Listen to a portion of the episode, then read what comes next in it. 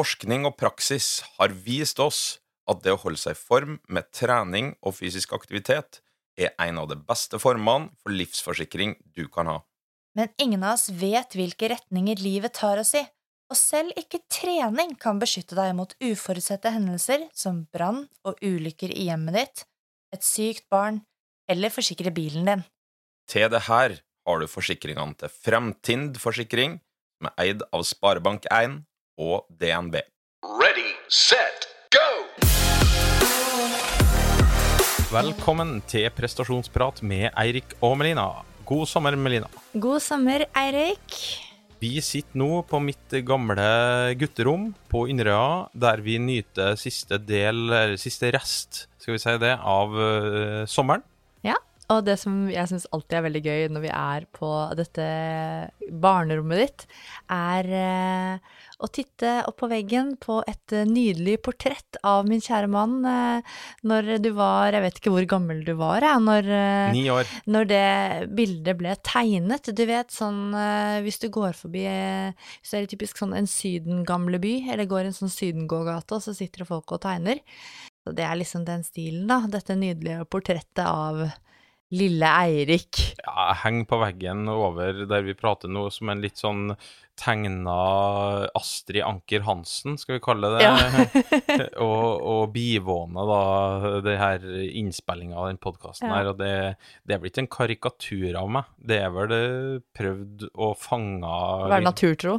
naturtro tegning av meg. Ja. Det ikke, jeg har jo prøvd å få hørt om det er mulig å få med seg det bildet til Oslo for å henge det i leiligheten vår der, men det har jeg fått nedstemt. Jeg tror det blir hengende her, du. Sånn er det. Vi eh, har jo for så vidt ikke hatt en veldig begivenhetsrik sommer. Vi har jo stort sett vært i Oslo, men Ja. nå siste del av sommeren så ble det en tur til Hafjell. Og opp hit da til Ynra med vår eh, kjære lille sønn Niklas, som fikk møte sine, sine farmor og farfar. Mm. Og Inderøy er jo helt eh, fantastisk hvis man er glad i sykling og rulleski. Det er utrolig fint å Nå sykler ikke jeg så mye, men det er utrolig fint å gå på rulleski her. det, jeg vil gå så langt Nå er jeg litt sånn biased, da, men jeg vil gå så langt og si at eh, området Steinkjer-Inderøya, det er enkelt og greit et rulleskimekka for eh, dem som er interessert i det, da. Mm. Så vi har jo fått kjørt eh, en roligøkt sammen. Det var veldig hyggelig. Foreldrerulling, som jeg kalte det. Ja, ja. Eh, og så, siden det var første økten uten kid, liksom Vi har jo trent alltid mye sammen før. Hatt økten samtidig. Mm. Men det har vi ikke fått gjort på en stund, så det var veldig hyggelig. Og så har vi fått hatt en intervall sammen. Klassisk motbakkeintervall. Og da følte jeg egentlig du liksom bare gikk og slakka den bak der. Det er sånn, jeg pigget liksom livet av meg, og så hører jeg dine stavtak bare sånn klikk, klikk, etter at jeg har liksom hatt fem tak imellom der. Så Men ja, du starta kanskje litt rolig. Jeg starta litt rolig, og så er jeg nok eh, fortsatt eh, litt bedre enn deg på rulleski. Å, sier du det? Det Den dagen du slår meg på rulleski, da blir jeg imponert. Ja, jeg tror ikke det skjer med det første. Men vi har i hvert fall fått trent egentlig ganske bra mens vi har vært her, da. Det er digg med barnevakt, liksom, så vi bare kan stikke og trene. Og så um, Ja, du har jo hatt eh, baneøkt. Vi hadde laktattesting. Det la jeg ut på Instagram. Ja, det var litt eh, det, Vi hadde egentlig snakka om det en god stund, at det hadde vært moro å gjort i sommer, å kjøre 1000-metringer med laktatmåling, Ja. bare for å få svart på hvitt, litt vitenskapelig, hvor eh, Ståa. Ja, hvor landet ligger hen. Og Mm. landet ligger litt for langt tilbake, sånn eh, Det er ikke noe tvil om. Jeg er ikke er ikke like bitt av løpsbasillen som eh, store deler av Norge er, uh, sjøl om jeg koser meg med det. Men jeg eh, skal nok slite med ganske mange eh, når det gjelder løping, dessverre. Men vi fikk nå i hvert fall testa formen min. Ja, syns du var flink, jeg. Det, Ja Og det ble en 3000 meter òg, faktisk. ja, det var det. Men da følte jeg liksom at eh, Da var det ikke formen som dukta, det var psyken.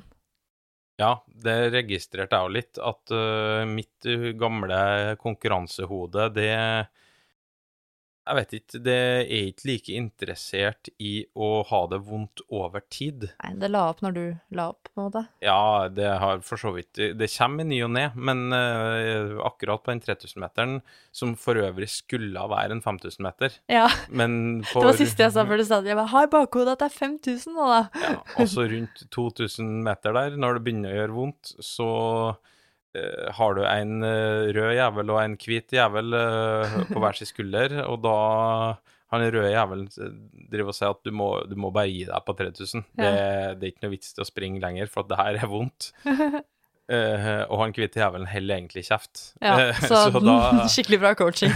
Så da prøvde å springe litt fortere siste 1000, og så ble det da greit, det der. Jeg syns du så egentlig bra ut fram til siste 1000, men da tenkte jeg sånn Ok, nå er den prega, det blir ikke 5000 i dag. Og had, du hadde liksom bare sånn en, en sånn dag hvor du Man kan si at ja, det var bare ett gir.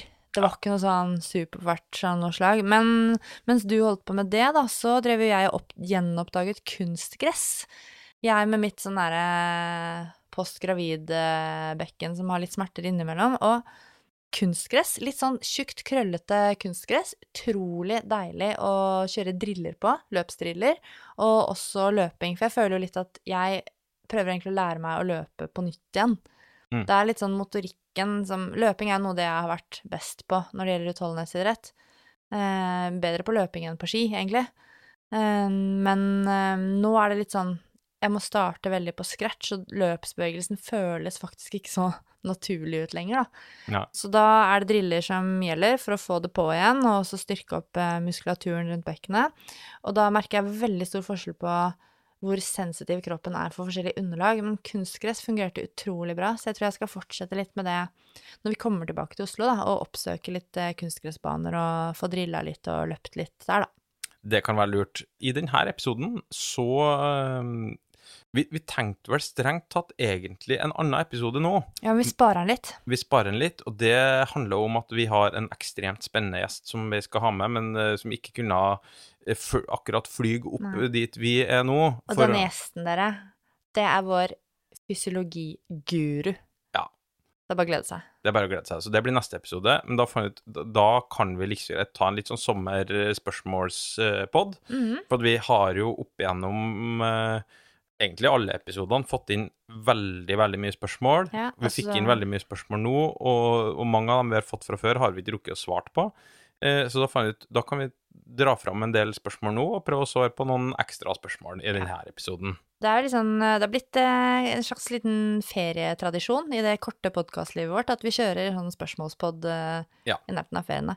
Så vi håper dere får svar på løst og fast i denne episoden. Det gjør vi. Så vi hopper egentlig bare rett på første spørsmål, og det lyder som følger Tåler man mindre trening når ellers belastning i livet er høy? Og vedkommende som har da stilt det spørsmålet her, eh, jobber tydeligvis, og er student i tillegg. Ja, så det står da at han eller hun er mastergradsstudent, eh, som sier litt om studiebelastning, og jobber også mye. Og vi har jo begge vært masterstudenter som jobber mye. Mm. Så vi vet jo litt Vi har litt egenerfaring på hvordan det der oppleves. Jeg har- eh, vet ikke om det finnes noen sånne studier eh, sånn klinisk da, på totalbelastning, for det er jo veldig vanskelig å undersøke alle tingene i livet som kan påvirke restitusjon og påvirke treninga di. Men eh, Så der tror jeg vi må ta det litt sånn erfaringsbasert i måten vi svarer på. Og mm, min erfaring er i hvert fall at du tåler enten mindre trening eh, eller eh, mindre hard trening i de periodene hvor du har høy totalbelastning i livet. Ja, jeg har jo egentlig en sånn Det jeg sjøl mener er et godt bilde på det der. At liksom hele Det som vi kaller totalbelastning, det er egentlig en sånn berganssekk som du går med på ryggen. Og oppi den skal du putte oppi skole, jobb, trening, eh, sosialt liv eh, ellers. Egentid, alt. Egentid. Alt skal puttes oppi der, og du skal kan bære det litt sånn med deg. Hvis da jobb og skole blir litt større, så betyr det at da må noe annet tas ut av sekken, ellers så blir den litt for tung å bære. Mm. Og da bekker det over, og det blir, alt blir litt sånn dårlig. Ja. Så det er ikke noe tvil altså Mitt litt sånn standpunkt til det spørsmålet er, at, eh, er egentlig bare bekreftelse at ja, du tåler på et vis mindre trening når andre deler av totalbelastningen øker. ja, for jeg har litt sånn annet bilde på det. Jeg tenker kakediagram. Du har bare 100 Mm. Og hvis en av delene i dette kakediagrammet blir større, så blir en annen automatisk mindre. Mm. Um, noen kaller det også arenamodellen, um, hvor du har forskjellige arenaer som overlapper hverandre. At du har liksom denne familiearenaen, eller privatlivet ditt, da, og så har du jobbarenaen, og så har du idrettsarenaen. Og de skal fungere sammen i en slags eh, synergi, en symbiose. Og hvis det er veldig mye eh, belastning f.eks. på familie- eller privatlivarenaen, så vil det på en eller annen måte gå utover karriere- og jobbarenaen eller idrettsarenaen. Det kan være helsemessige ting, det kan være ting som påvirker deg psykisk, som har med trivsel å gjøre.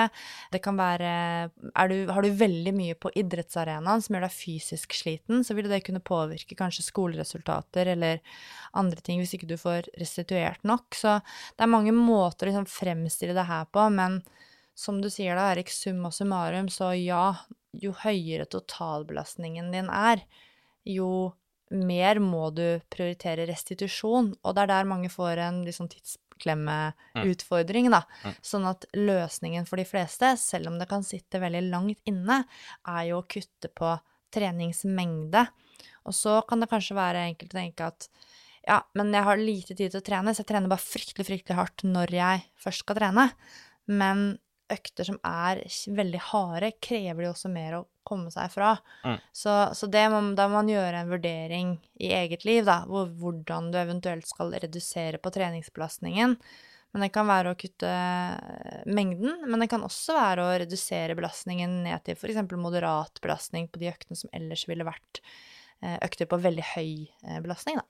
Så tror jeg jo egentlig, altså den perioden hvor det, eh, mange driver med sånne studier, mm. eh, jobber i tillegg, at det er kanskje en sånn periode i livet hvor folk eh, kanskje slutter litt med å Eller blir å trene litt for lite, da. Mm. Eh, og at det blir en litt sånn ond sirkel at Nå snakker jeg litt sånn generelt her, da, at folk kanskje legger på seg litt, altså Og helsa faktisk blir dårligere. Ja. Nå er ikke du idrettsutøverkategorien, nå tenker du hva Ja. ja. Ja, og du, det er nå for så vidt innafor det du etter hvert skal skrive eh, mm. ph.d. Ina- på. Inaktivitet og sånt. Og derfor så tror jeg jo sjøl i sånne perioder hvor arbeidsbelastning er høy, studiebelastning er høy, så det å faktisk få trent, sjøl om du ikke gjør all verdens, men det å ut og røre seg, det tror jeg er veldig smart. Det er veldig viktig, og man tror jo også at fysisk aktivitet er viktig for læring og produktivitet og effektivitet. Og jeg gir jo det rådet til de jeg har som studenter også, at uh, ikke, ikke liksom slutt å trene i eksamenstiden. Du kommer ikke til å få Altså, du kommer ikke noe nærmere A- eller B-karakteren hvis du slutter å trene. Heller liksom tren 20 minutter, da, istedenfor for å trene 1 12 time. Og så holder du kroppen i gang, og så blir det ikke så tungt å komme i gang etterpå. Og så er det jo det med helseaspektet, da. At du vil ikke få en like stor reduksjon i fysisk form ved å eh, rett og slett bare drive med litt vedlikeholdstrening i perioder hvor det er eh, tøft fordi det er mye å gjøre. Det mener jeg var et ø, godt svar på det. Neste spørsmål. Innsender skriver Hva tenker dere om doble hardøkter i langrennsbasert trening? Eirik. Ja. Det har jo blitt litt sånn eh, Er jo en eh, Kanskje feil å si en hype, men det har, jeg vet jo til flere idretter, og ikke bare langrenn eh, som det her stiller Mm. spørsmål om, men også fra friidrett, sykkel, mye annen utholdenhetstrening, skøyter. Det er litt på moten, rett og slett. Ja, å kjøre såkalte doble hardøkter, at du kjører to hardøkter på én dag. Jeg har jo sjøl utøvere som eh, har prøvd det, prøver det og gjør det på jevnlig basis, og er utøvere som har, ikke gjør det. Um, Jeg har det samme.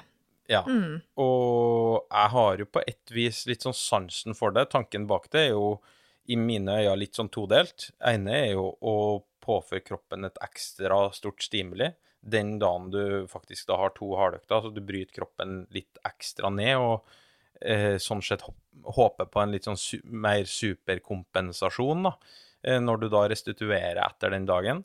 Eh, en annen ting eh, som jeg mener er kanskje vel så viktig aspekt med det, at du eh, da kan få prioritert et, en, større periode i etterkant eller forkant med, med rolig trening.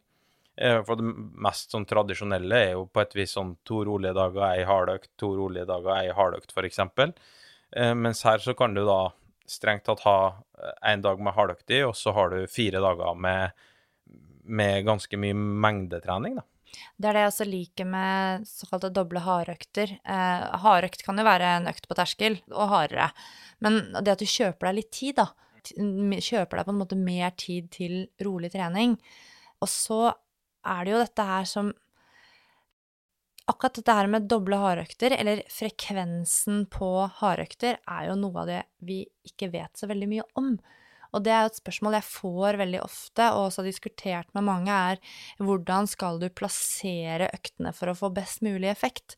Eh, Vi har snakket om tidligere innenfor, eh, på periodiseringsepisoden, men man vet likevel ikke hvilken type periodi... Eller hvilken måte du skal organisere hardøktene på for å få best mulig effekt. Eh, For det er så mange ting som kan spille inn, da. Ja, og en periode er ikke nødvendigvis 100% lik neste periode. Det, det, er, mye, det er multifaktorelt, da. Ja, og så må du se alt sammen i fugleperspektiv og over tid. Sånn at jeg tror Enten så trives du med doble hardøkter og liker det, fordi du føler du responderer bra på det, du får noe ut av det, og du kjenner at du kanskje kommer deg greit i ettertid, og du har god treningskvalitet, da. Um, eller så kanskje du ikke liker det, og liker det heller å ha en hardøkt på en tirsdag, en hardøkt på en torsdag.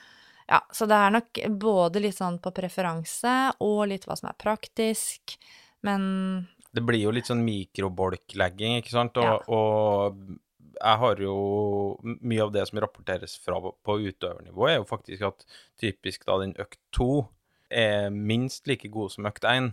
At det å faktisk ha da ei hardøkt på morgenen gjør at den hardøkta du kjører på ettermiddagen, blir veldig, veldig bra.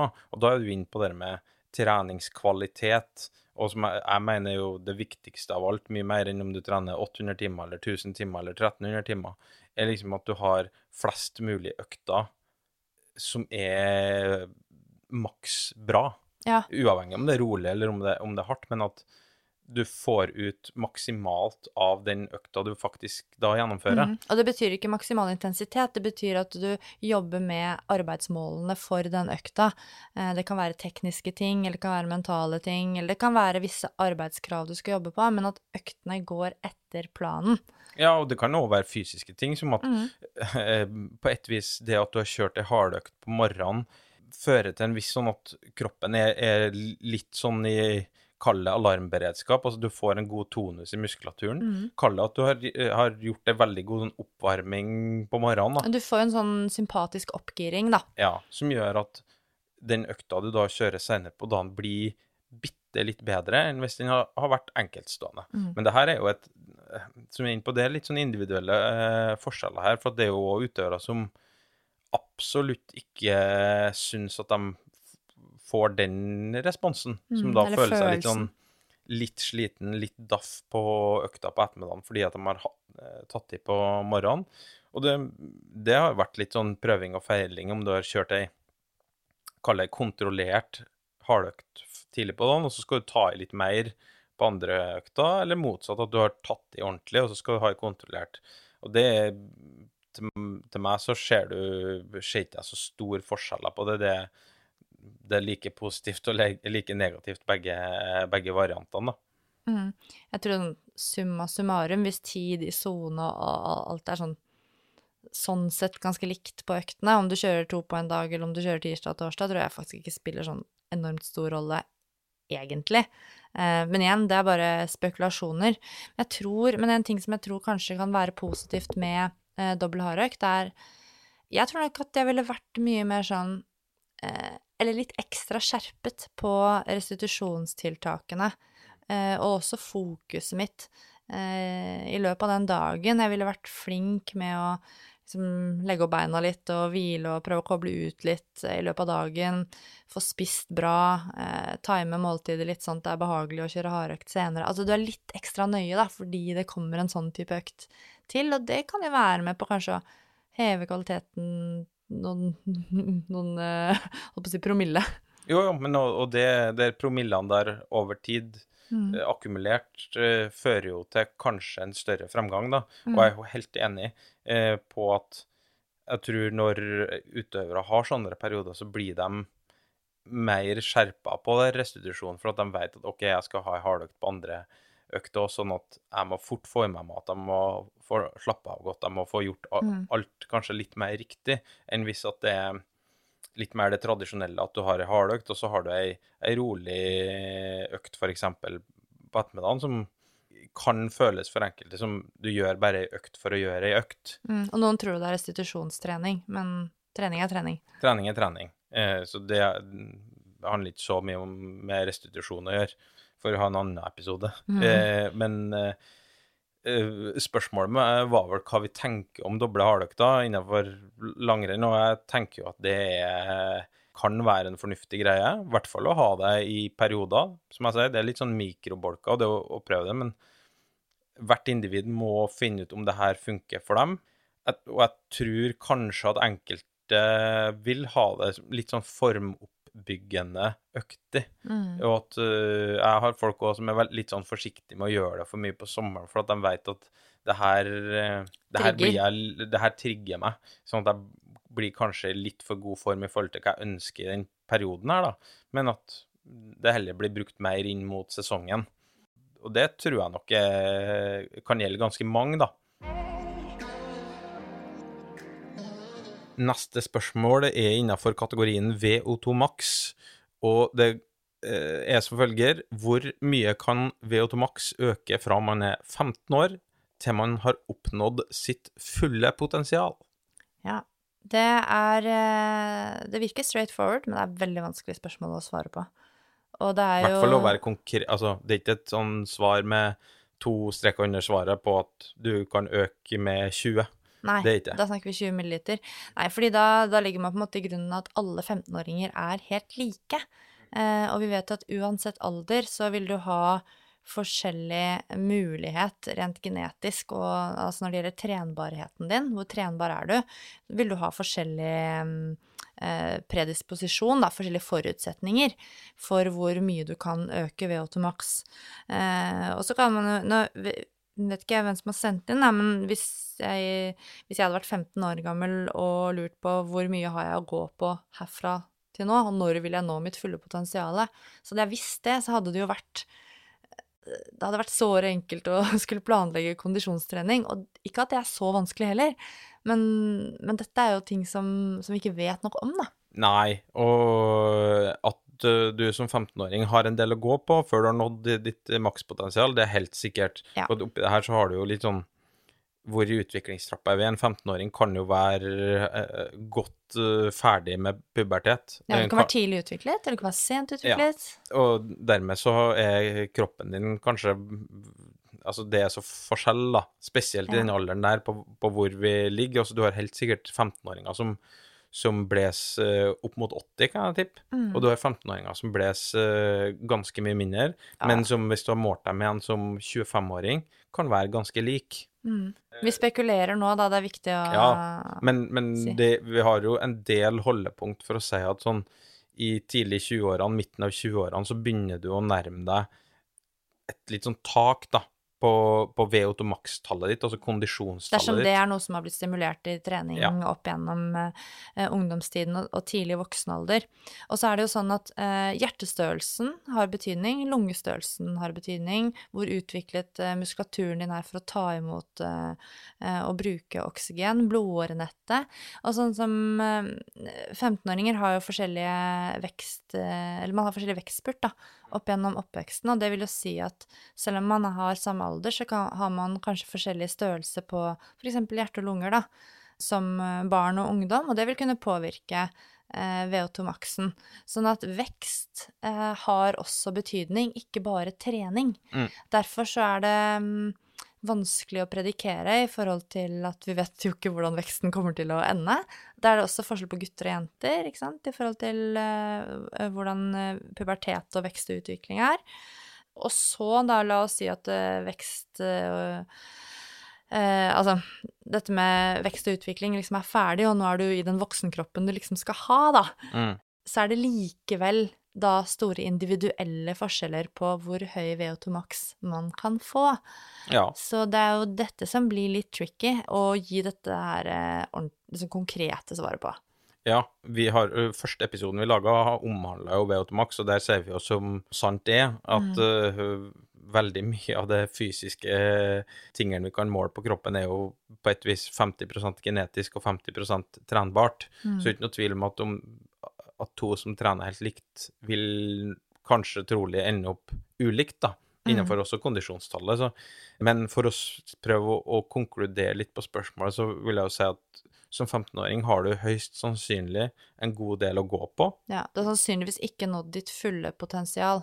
Nei, det har du nok ikke. Og så eh, innenfor kondisjonstallet så har- har du et tall som baserer seg på kroppsvekt, og så har du et tall som ikke baserer seg på kroppsvekt. Og jeg tror jo at ifra du er 15 til 25, så skjer det, i hvert fall for en god del, ganske mye med kroppsvekt. Altså du øker kroppsvekt fordi at du legger på deg muskler etc., som faktisk kan påvirke Eller som gjør at kondisjonstallet ditt, da, milliliter per kilo kroppsvekt eh, per minutt, faktisk ikke trenger å øke så mye, men literverdien din øker veldig.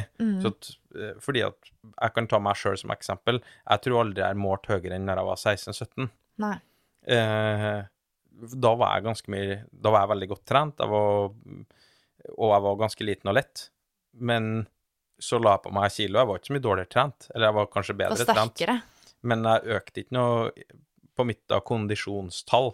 Og så slutta jeg nå da jeg var 19, da, så jeg fikk jo aldri Du har fortsatt å trene, da, men eh, Men- Ikke like mye. Nei, Jeg, jeg har Hvis jeg hadde testa Veotomax nå, så vil jeg tippe at jeg er ganske langt unna der jeg hva tipper du du har, da? Jeg tipper jeg har eh, mellom Jeg tipper jeg er opp mot 65. Ja, det var en som hadde sendt inn et spørsmål om har Eirik god kondisjon, og da kan jeg svare ut ifra hvordan hans aldersgruppe ligger da på norgesbasis. Så ut ifra det så har du god kondisjon. Men hvis du skulle vært profesjonell langrennsløper, mann, elite senior, da har du ikke god kondisjon. Nei, så alt er relativt. det er nok. En, mer enn kondisjonen min som, uh, som stopper meg der, Ja. faktisk. Men uh... For å runde av spørsmålet, da, så kan vi jo avsløre at vi En ting vi har hatt på blokka veldig lenge, som kommer til å komme, det er en egen episode om dette her med kondisjon, trenbarhet, barn, vekst og utvikling. Eh, For det er en veldig spennende doktorgrad som har tatt for seg nettopp dette. Så vi skal få snakke med noen litt mer lærde enn oss, men den må publiseres først og bli ferdig. Så, så vi venter litt på den, og så kanskje vi kan få Jeg tror ikke vi får konkludert på spørsmålet sånn ordentlig, men i hvert fall ikke på sånn du har 20 å gå på, og så Nei, to streker under Det det. går ikke. Men vi kan kanskje bli litt klokere rundt det likevel. Det kan vi helt sikkert. Right, da kjører vi på videre. Neste spørsmål er For oss som ikke måler laktat, hvor i prosent av makspuls, eller maks står det her da, ser dere oftest terskelpuls i spesifikk bevegelsesform? Ja, jeg tror personen mener i hvilke prosent av makspuls er det man ser at terskelen havner. Ja. Og det er jo flestene som ikke måler laktat. Jeg vil jo tro av alle som trener, så er det jo veldig få som driver aktivt med å måle laktat, da. Så det her kan jo eh, både gjelde for Det gjelder for de fleste, da. Og til meg, på elitenivå, så ser vi sånn rundt skal jeg skal si 85-90 da.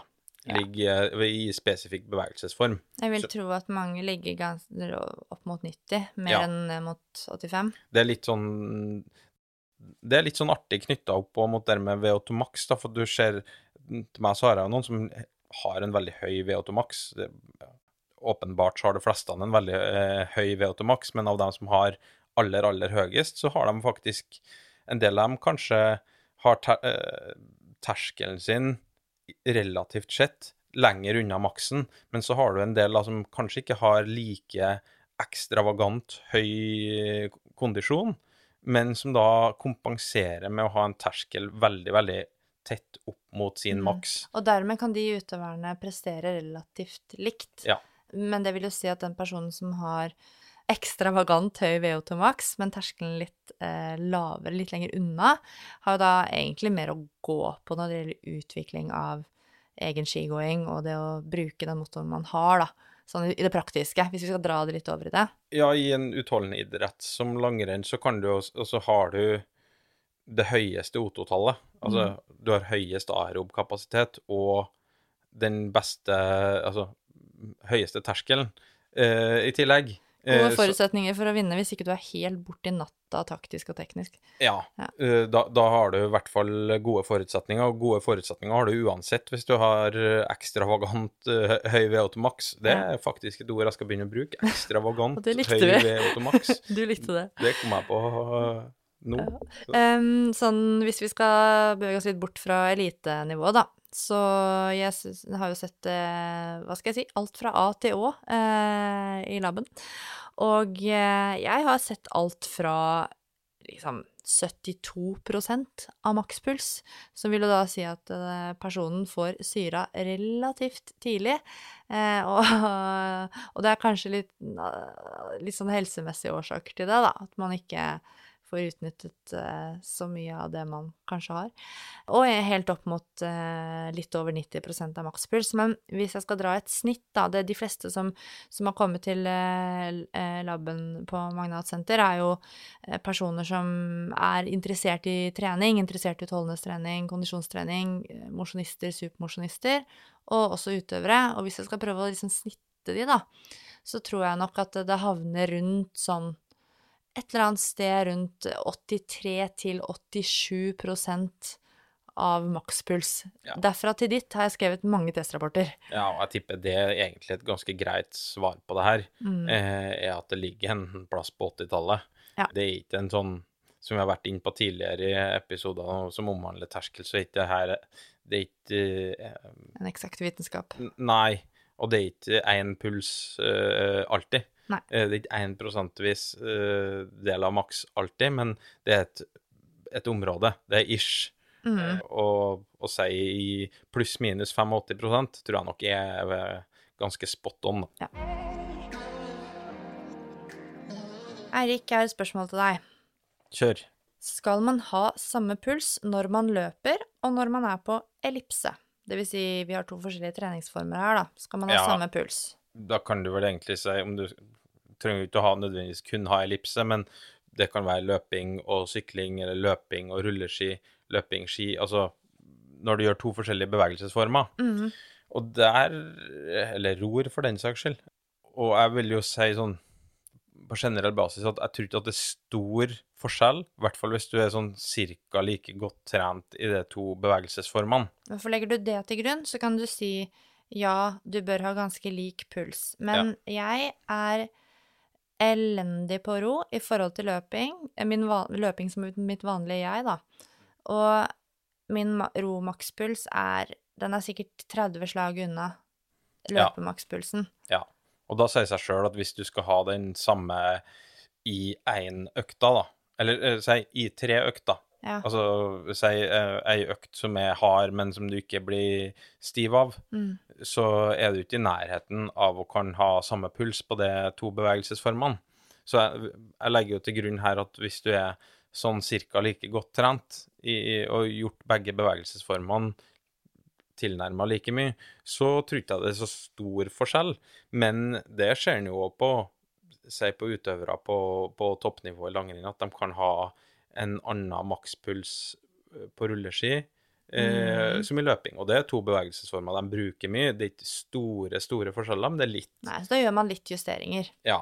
Og fordi at det her er Altså, kondisjonen din er spesifikk, og det er der du må se det her i sammenheng med liksom kondisen din, ikke bare eh, puls og, og hjertefrekvens, som vi for så vidt skal snakke my- veldig mye mer om i neste episode, men alt må ses i sammenheng med liksom eh, kondisjon, da. Ja, og den spesifikke kondisjonen, rett og slett. Ja, Så svaret er jo ja hvis du er like godt trent i begge deler, men nei hvis du har eh, stor forskjell i treningsstatus på to forskjellige bevegelsesformer.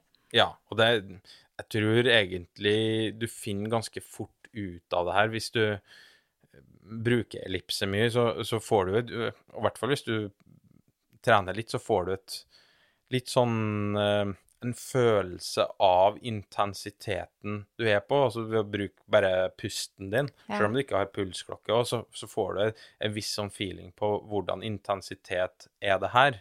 Mm. Eh, Kroppen din gir deg jo feedback hele tiden, konstant, Ja. eh, om eh, hvordan den har det, hvordan du har det, og intens hvor hardt dette er. Sånn at eh, jo mer du trener, jo, bedre, jo mer fintfølende er du i forhold til å, å styre deg selv på intensiteter. Ja, jo flinkere blir du til å, å tolke det signalene kroppen gir, da. Som Mhm. ikke bare vises på ei pulsklokke eller på en laktatmåler, men du blir veldig god på å, å tolke alle signaler som vi vanlige dødelige kanskje ikke merker engang. Mm. Men eh, fram til eh, du føler det, da, eh, kjære innsender, så er det fint å i hvert fall observere pulsforskjeller mellom forskjellige bevegelsesformer. Eh, og så tar du det på en måte sammen med følelsen du har der og da i de forskjellige bevegelsesformene, så må du gjøre deg opp en mening om du skal ha den samme pulsen, eller om du skal jus- justere litt opp eller ned, da. For Ja. å få en rolig trening eller en moderat eller en hard trening. Og for å dra egentlig svaret enda litt lenger på den her, er jo at eh, vi har helt sikkert en del av lytterne våre som har gjennomført eh, såkalt laktatprofil, kanskje, eh, på løping eller på sykkel eller whatsoever. Og der får du da, kan du få et slags sånn svar på det, hvor de ulike intensitetssonene dine ligger, basert på laktatverdier. Men faktisk det du får, hvis jeg skal det, du får egentlig et litt sånn snevert blikk på det. I hvert fall i løping. Som skiløper så tester du ofte på 10% helning. Da får du egentlig et svar, svar på akkurat spørsmålet, men faktisk bare i, i løping i motbakke På 10 telling. på 10 helning. Eh, Så det er i utgangspunktet ganske snevert. Ja. Eh, Hvis du da går ut og bruker nøyaktig samme verdiene på neste rulleskiøkt, f.eks., så er det ikke sikkert at du treffer 100% men likevel så tror jeg ikke at du det er altså, Milevis unna. Du, milevis unna hvis du er sånn cirka like godt trent i de to bevegelsesformene, da. Mm. Men går du ut altså For å bruke ro som et eksempel, da, hvis du tar da en som har gjennomført en laktatprofil løping, motbakke eller ikke, og så går du ut og skal bruke de samme intensitetssonene på romaskin eller på Bogstadvannet, har kjøpt deg en robåt og skal mm. ut der og ro, så er- er det intensitetssonene totalt annerledes. Ja, for det er jo forskjellig muskulatur og langt fra hverandre i arbeidstyper. Sjøl om det er det samme hjertet Mm. du stiller på bokstavene og i laben med, Ja. så er muskulaturen din ikke trent for å, å gjøre det du prøver på. Nei. Det var for så vidt litt sånn off hele spørsmålet, Nei, men, men det er eh, viktig å utdype litt. så skal vi over til et spørsmål som eh, av oss to, Melina, er du kanskje den eh, aller, aller beste til å svare på. Og det sier seg sjøl, fordi at spørsmålet er hvordan skal han forholde seg til puls, eh, hjertefrekvens, ved trening under graviditet? Og da passer jo veldig fint. Kan ikke fint. du det, altså? Jeg har enda ikke fått gleden av å være gravid. Nei, stopper du ikke får det. Eh, Men det har jo du relativt nylig. Ja. Så da tenkte jeg at det her passer jo fint for deg å svare på. Ja, jeg tar den i den grad det lar seg svare på. Ehm, det, det er ikke nok forskning i nærheten på i, forhold til å liksom skulle konkludere eh, skikkelig eh, når det gjelder akkurat hva, hva slags pulsverdier og, og prosent av makspuls man skal trene på som gravid. Det fins få treningsstudier egentlig, og spesielt lite gjør det, fins det på aktive og semiprofesjonelle utøvere. Eh, Noe av det som er viktig i forhold til eh, pulsen, og når det gjelder da fosterets helse, for det er jo det som man først og fremst eh, har fokus på når de rådene skal gis, det er at mor ikke blir overopphetet. Og så er det sånn at når du kommer opp i høye hjertefrekvenser, så øker kjernetemperaturen, og det tenker man da kan være negativt for fosterutviklingen, spesielt når det gjelder ting som er på den nevrale siden. Jeg har jo lest ganske mye om dette her, gjort mye litteratursøk i forberedelse til en episode som kommer om trening og graviditet. Jeg skal ha med meg en gjest eh, som kan eh, enda mer om dette her enn det jeg kan. Og det som jeg har sett da, er jo at det er jo litt sprikende funn eh, i forhold til dette her med eh, hvorvidt mors økte kjernetemperatur har negativ utvikling på fosteret eller ikke. Men man ser, når man har målt eh, da under aktivitet, eh, så ser man jo at det kan se ut som at fosteret blir noe stresset ved høy kjernetemperatur. Sånn at det det, noe av det eh, er bakgrunnen for da rådet om at du skal holde deg opp til maks 90 av Altså du skal holde deg under 90% av makspuls for å være på den sikre siden. Så man må prøve å holde seg til relativt moderate intensiteter, Ja, og Og det jo virker jo ikke å være farlig. Nei, absolutt ikke. Det er jo anbefalt at mor driver med fysisk aktivitet, og hvis man ikke har trent før, så kan man gjerne begynne å trene som gravid, faktisk. Det er veldig positivt for både mor og barns helse. Det kan også Det, det, kan, det å trene på høy intensitet kan også påvirke blodstrømmen til fosteret. Uten at jeg skal gå nærmere inn på akkurat den mekaniske forklaringen på hvordan, for da får vi gå litt dypere inn i når vi kommer til den selve trening- og graviditetsepisoden. Men det kan være noe av mekani mekanismen bak at eh, fosteret tilsynelatende blir stresset av eh, høy kjernetemperatur, er også den endringen i blodflow, da. Eh, så rådet er jo fysisk aktivitet på moderat intensitet. Det er det tryggeste rådet man kan gi. Selv opplevde jeg jo at det skulle komme opp i høy puls, eh, det var i det hele tatt utfordrende. Og jeg har snakket med flere eh, veldig aktive damer som også, altså, som også under graviditeten opplevde det samme som meg, at det styrer seg ganske greit selv, de greiene der. Det, det skal godt gjøres å komme opp i veldig høy puls, fordi at hele fysiologien din blir midlertidig endret. Sånn at det er ikke sikkert at du klarer å komme opp i de høye verdiene som du hadde når du trente f.eks. intervaller før, da. Så mm, Og det sier jeg jo litt fordi at det er ikke sikkert at du trenger å bekymre deg så veldig mye for det, hvis du bruker liksom litt følelsen. Så jeg gikk jo bort fra faktisk å bruke pulsklokke, så kan man diskutere hvor forsvarlig det var, da, når man har den her eh, 90% av makspuls-anbefalingen. Men jeg følte liksom at, eh, og jeg så på pulsklokka de gangene jeg brukte pulsbelte og sånn også, at jeg kom liksom ikke så høyt. Det føltes tyngre ut enn pulsen tilsa. Og derfor så droppa jeg bare pulsbeltet nesten ja, godt over et halvt år der, og bare brukte følelsen. Hvis jeg syntes det føltes hardt, så konkluderte jeg med at det var hardt nok. Og mm, ja, så, så det var i hvert fall det, det, den strategien som jeg valgte. Men hvis du ser at pulsen din responderer som egentlig ganske som normalt, og at du kommer høyt opp i puls, så, mm, så tenker jeg at eh, Altså, dem Vi vet at du får fantastisk bra trening og bra kondisjonstrening ved å trene rundt 85% av makspuls. Så du kan liksom bare holde deg der, da. Ja. Så må jeg skyte skyte inn litt sånn fra første spørsmålet vi tok i den poden her i dag, som gikk på når belastningen i livet ellers er høy. Mm. Uh, og det å være gravid, det er jo et eh, det er øker ekstra- totalbelastningen. Det øker jo totalbelastninga for mor, da. Mm. Uh, og hvis du jobber og uh, Som da vedkommende der var mastergradsstudent, og du, du har mye, så er du gravid i tillegg, så Mm. Kanskje en kid fra før som du må Yes. ta vare på. Ja. Og da den bergansekken som jeg snakka om, det, den blir bare fullere, så er det klart at da må du ta hensyn til det i, også i treningsarbeidet, og, og ikke øke øk og øke og øke, da. Mm. ja det, Selv om jeg igjen jeg aldri har vært gravid. Nei, og det har jo ikke akkurat så mye med pulsen å gjøre, men, men det er et godt poeng, da. At eh, det er ikke sikkert at det er tiden for å liksom pushe seg maks. Men, og det som jeg tror, som jeg også har opplevd at mange bekymrer seg litt for, er at de kanskje trente ganske hardt før de oppdaget at de var gravide. Og det gjør jeg også. Jeg løper jo eh, blodsliteren-testløp og liksom hadde jo noen sånn skikkelig rysere av noen hardøkter i den perioden som er fra 0 til 12 uker, som man ser på som en ganske sensitiv eh, periode for fosteret, spesielt når det gjelder nevral utvikling. Du sprang jo Eh. Tromsø Sky Race, har gjorde du ikke? Ja, det drev jeg også med. Eh, Det var riktignok ikke på så høy intensitet, men, eh, men likevel eh, langt og hardt var det jo. Og sånn er det jo ofte, ikke sant. Og noen har til og med drukket litt alkohol før man fant ut at man var gravid. Det går stort sett bra, men jeg ville ikke lagt inn, altså gjort planmessig trening på over 90% av makspuls, hvis du klarer å la være. Nei da. Nei. Så må jeg bare få sagt det, som har gjentatt at jeg aldri har vært gravid, så heter det jo sånn at vi har vært gravide. Vi har vært gravide. Jeg driver og sier det når vi ble gravide. Jeg syns det er veldig koselig at du også sier det. Veldig bra.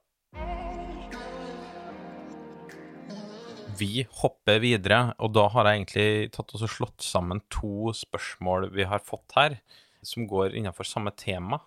Og det begynner som følger. Hva kan en gjøre hvis man blir overtrent? Og eh, neste spørsmål er hvor mange pulsslag mer i hvilepuls gir grunn til bekymring, ref. overtrening osv. Og, så og så kan vi vel egentlig prøve å si at sånn overtrening er jo et, et uttrykk som kanskje er litt sånn feil å bruke, at feiltrening kan være et bedre ord for det. Jeg vet ikke hva du mener. jeg er ikke helt sikker. Eh, Det er liksom Overtreningssyndrom er jo et, en fagterminologi. Eh, Det kommer jo da av overtraining syndrome, direkte oversatt. Og vi har ikke noe sånn Uh, uttrykk for feiltrening sånn sett i den engelske terminologien. Så det kommer kanskje litt an på om man, hva man mener med overtrening på norsk, og hva man mener eh, med feiltrening på norsk, og hvilke av de som da skal passe sammen med den internasjonale terminologien. Men hvis vi Det vi kan begynne med å liksom forklare lite grann, er jo at sant, når vi trener for å få formutvikling og prestasjonsutvikling, så er det jo Fra et fysiologisk perspektiv så er det jo en eller annen form for nedbrytning som foregår. Eh, og vi har ikke Nå kommer det et nytt uttrykk som vi ikke har noe godt norsk uttrykk på, men det er en overreach. Ofte når vi trener, så ønsker vi å få en eh, functional overreach, og der har vi ikke noe sånn godt norsk uttrykk. Men det betyr jo at vi vil ha en slags sånn funksjonell nedbrytning. Du strekker strikken litt langt, men så eh, restituerer du deg og bygger kroppen sterkere, ikke sant? Sånn at det er en Det er hele poenget med trening hele og poenget med trening og restitusjon, og det kalles en functional overreach. Det vil si at du kan eksempel være litt sliten og ha litt symptomer som noen ganger eh, mistolkes som eh, overtreningssymptomer, men det handler mer om at du er kanskje i en funksjonell uh, overreach. Du har rett og slett trener deg litt ned for å bygge deg opp. Men hvis du gjentatte ganger trener deg ned og ned og ned og ned, og aldri over lang tid får den der oppbygningen, eller kanskje man som, som en del, spesielt unge utøvere dessverre har opplevd, at man trener eh, kanskje mm, ganske mye og hardt uten å vite at man har et virus, eksempel, at man trener med sykdom, at kroppen ikke klarer å hente seg inn, så eh, er det jo noen som da etter hvert hva skal man si, etter mye screening og diagnostisering og, og diskutering ofte opp og ned i mente, blir puttet i denne her overtreningssyndromkategorien. Og det er alt som heter et eller annet syndrom. Det er jo da en samlebetegnelse for flere symptomer. Så igjen så er vi inne på en sånn greie hvor vi ikke har to streker under et svar, men det kan både ha med eh, litt sånn ekstrem overreach kombinert med kanskje tilleggsstressorer, da, som vi har vært inne på med høy totalbelastning. Det kan være eh, Og de tilleggsstressorene, det kan være andre fysiske ting, eller det kan være psykologiske ting. Ting som gjør at du rett og slett ikke henter deg inn. Eh, og noe av det som man ser, bruker som annet markører på eh, overtreningssyndrom, er jo da at man har eh, systemisk inflammasjon, eh, og at sentralnervesystemet påvirkes, at man er litt eh, nedstemt i humøret, deprimert. Eh, man opplever mye tretthet, og eh, man kan også eh, Noen bruker også sånne hormonpaneler, at man tar blodprøver og måler på hormoner, og at man ser at det er sånn nevrohormonelle endringer. Ja, og når vi begynner å legge liksom alt dette her sammen, så blir det ganske sånn omfattende, da, med Ja. dette med overtrening. Så vi skal være litt forsiktige med å bruke uttrykket overtrent eh, som altså bare en periode hvor du er litt sliten. Ja, ja, ja, og, og overtrent. Altså, det er jo Jeg vet jo ikke hvor mange ganger i livet jeg, har hatt som trener at jeg har vært borti utøvere der vi på et vis har mistenkt overtrening, eller det har blitt uttalt at her har vi en utøver som er overtrent, eller som er feiltrent, tunge lår, altså Ja. Mm. eh, Kjært barn har mange navn, da. Og, og det her Jeg stilte jo første spørsmålet Hva kan man gjøre hvis man er overtrent? Ja, først så skal du i hvert fall få, hva skal jeg si, stilt diagnosen. Du skal utelukke at det ikke er en, en kortvarig sånn overreach, som jeg var inne på, altså det med å trene seg ned og bygge seg opp, eh, som da kalles for en functional overreach. Du skal utelukke at du ikke er i en non-functional overreach. Vil si at eh, du er i en overreach som varer eh, uker til, til en måned. Men hvis det går flere måneder med da disse negative symptomene eh, og underprestering sammen med da disse nedstemte humøret og liksom, du sjekker flere bokser på den der syn syn syndromlisten, da kan man tenke seg at du er inne i det som vi kaller overtrening, overtreningssyndrom. Og hva skal man gjøre da? Ja, og, og i mitt hode så er det jo klart at du må jo redusere belastningen. Altså, den bergansekken må gjøres lettere, den må Og det er over en periode, det er ikke to dager. Den må gjøres lettere over en periode. Altså, du må ta noe ut av sekken. Og ofte så har ikke folk mulighet Altså, hvis du snakker om voksne folk, så er jo ting du ikke har mulighet til å ta ut av sekken. Og så er det litt sånn ofte at det her hvis Du skal, du er inne på et syndrom, da, men ofte der overtreningsbiten kommer ofte i mener jeg, de periodene hvor folk begynner på videregående. altså i den sko og med unge utøvere, da. Det er ungdom. Og det er det som jeg har sett i, um, i praksis som fysiolog også, og som trener, er at um, vi bruker jo ofte en laktatprofil som en del av et testbatteri for å sjekke ståa eh, når det gjelder overtreningssyndrom. Det er ikke det eneste man bruker for å Nei, men igjen, det, som vi har sagt tidligere her, er jo ikke Alle i hele Norge har ikke måler ut laktat ofte, Nei. og har ikke et testbatteri Nei, sånn det er det sett. som er vanskelig. Og, og eh, en laktatprofil som du har en historie på, gjør ting lettere, fordi at da kan du gå inn og, og sjekke av og se om OK, jeg er ganske langt unna min fysiske kapasitet, som, som er ett type rødt flagg, da, som kan være med i, i den avsjekkinga, som du sier. Men ikke alle har tilgang på det. Og, men har du over tid, som ene spørsmålet innpå her, hatt høy hvilepuls, du er trøtt, du, du føler at det å trene er et ork, det er, det er slitsomt, og, og Og legg du merke mister til at motivasjonen, og Ja. du er nedstemt. Og det her er over tid, Mm. eh, ikke ei helg hvor det regner og er motvind. Eh, men det er over tid. Så bør du begynne å vifte med begge røde flaggene, og heller da redusere treningsbelastninga en periode. Eh, og det betyr ikke at du, skal legge deg på sofaen 100% og ikke gjøre noe, men det må reduseres betraktelig. Det som det jeg skulle frem til da når jeg begynte å si det med laktatprofil og sånn, er at eh, de utøverne da, som jeg har møtt da, hva skal jeg si, de er fra 13 til 16 cirka, og kanskje flest 14-15 år, 14-15-16. Flere gutter enn jenter, langt flere gutter enn jenter. I hvert fall i min praksis, og jeg har ikke noe tall på hvordan dette ligger an, men det er i hvert fall det som, som jeg har opplevd. Og, så jeg vet ikke om det er om, om kjønn er en, en risikofaktor for overtrening, men, men, bare, men, men kanskje noen av gutta blir litt hissige på grøten i da denne her vekstspurt- og utviklingsperioden sin, eksempel, samtidig som kanskje totalbelastning øker, og vi vet jo ikke helt liksom eh, etiologien, altså opphavet til overtreningssyndrom egentlig, fordi at det nettopp er så sammensatt. Men det er som du sier, Erik, det er mer enn at du bare er sliten en periode og underpresterer litt en periode, og at altså, ja. Det, dette er snakk om over lengre tid. Sånn at det man kan gjøre, det er å redusere treningsbelastningen, men jeg vil også slå et slag i bordet for at um, man oppsøker helsepersonell og får ordentlig hjelp, og får målt sine blodverdier opp mot uh, referanseverdier og og hvis man er en satsende utøver, hvis du, hvis du har en ungdom, eller du er en ungdom som, som har bestemt deg for å, å satse idretten din og bruker veldig mye tid på det, så tror jeg at det er eh, en god investering å ha denne årlige liksom sjekken av jernstatus, altså den årlige helsesjekken. Det kan virke litt overflødig når man er helt frisk, men hvis uhellet først skulle være ute, og du blir syk, eller at man skulle få tegn til overtenningssyndrom, så har du eh, et eh, sett med referanseverdier som vi kan eh, tolke opp imot. For det er vanskelig hvis, Ja, det er vanskelig hvis ikke. Ja.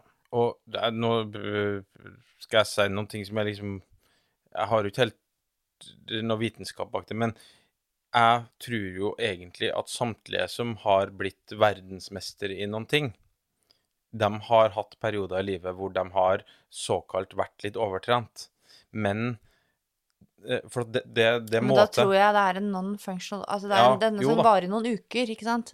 Alle har strekt strikken litt langt. Ja. Men det med å øh, skjønne sjøl at nå er nok nok Det her eh, Sånn skal det ikke være. Det jeg trenger nå, er restitusjon. Mm. For at det tror jeg er, er litt av utfordringa til mange. At de eh, ser på kompisene eller ser på lagkamerater og ser at OK, men de, de trener jo på. De trener på og blir stressa av det. Og OK, men da må jeg òg trene på. Jeg må trene på. Men det er da også en Jo, men kroppen min akkurat nå, den trenger restitusjon. Ja. Og det å faktisk da prioritere restitusjon i en periode. det. Det å tørre å prioritere og hente seg inn igjen, det er nøkkelen. Og mange av dem som da virkelig har lyktes, det er akkurat den liksom Den der er de helt vanvittig gode på å time. Men er, noen må lære det, ikke sant? Og noen må styres litt mer og bremses litt mer inn i forhold til det. Og det, dette er jo en oppfordring til både trenere og foreldre å prøve å se de Nå sier jeg de barna, for mange, de fleste som får dette, er under 18 år. Eh, se de tidlig nok, og ta signalene tidlig nok. Eh, liksom Klart, alle kan jo være litt hormonelle og litt sure og tverre på foreldrene sine en gang iblant, men hvis du ser en underprestering eh, kombinert med den litt sånn mutte nedstemtheten og ja, en del av de tingene som man ser på som eh, symptomer, da, eh, i denne sekken eh, som vi har for overtreningssyndrom, så, så er det liksom et varsko som man burde egentlig ta på alvor så tidlig som mulig. For det er så lang vei tilbake jo mer man trener seg ned. En annen ting som jeg også har opplevd med eh, utøvere som hvor jeg har vært en del av liksom et, et større fagfellesskap da, for å prøve å få ting på rett kjøl igjen, det er jo at eh, at vi opplever at utøverne også kan bli litt sånn redde for å begynne å trene igjen. For det er- det er så negativt det du opplever når du er sliten og ting ikke funker, at når du skal begynne å trene, så er du liksom hele tiden kjempenervøs og går og nesten kjenner for mye etter, og liksom rett og slett overanalyserer litt. Så det er en vanskelig balansegang, det her med å lære seg å kjenne etter når nok er nok. I hvert fall hvis det der kompasset ditt har blitt rista litt i, og du ikke helt vet hvordan ting skal kjennes ut lenger, for du har vært i den situasjonen så lenge. Da tror jeg det er viktig med gode trenere og støttespillere som kan hjelpe deg. Og så vil jeg også si at det er et par fellesnevnere eh, som jeg har sett på alle de utøverne som jeg har vært borti, eh, bortsett fra kjønn og alder. Det er også at eh, flere av de driver med flere utholdenhetsidretter parallelt. Eksempel både langrenn og orientering, eller både langrenn og triatlon. Og de har veldig tett program. De er ofte veldig ambisiøse på skolen eh, i tillegg, apropos totalbelastning. Så det som er viktig da for utøveren selv, og også da de som er foreldre, det er å prøve å liksom samle trådene litt av alle disse treningsplanene som den utøveren må forholde seg til. Fordi at det kan godt være at triatlonklubben setter opp et eller annet, og så ja, selvfølgelig skal man følge det, men så skal man jo være med på samlingsopplegget til langrennsklubben også. Og man skal gå i bursdager, og man skal gjøre liksom alle de andre greiene. Så det å liksom få laga et slags kart over totalbelastningen eh, og gjøre litt eh, prioriteringer kan være veldig lurt. Men som dere hører, da, dette er skikkelig sammensatt. Ja, ja. Og, Eh, men det er masse man kan gjøre, både på planleggingssiden, hvordan man strukturerer hverdagen, og også når det gjelder hvordan Ja, det, det å redusere på treningsbelastningen. Ja, og det her høres jo det, Nå har vi prata lenge om det her temaet, og mye av det her som vi sier som tips, er veldig enkelt å si og veld, som klinger veldig fornuftig. Og så vet jeg jo at det for enkelte utøvere kan være vanskelig å faktisk gjøre i praksis. Det å, å bli god til å restituere, f.eks.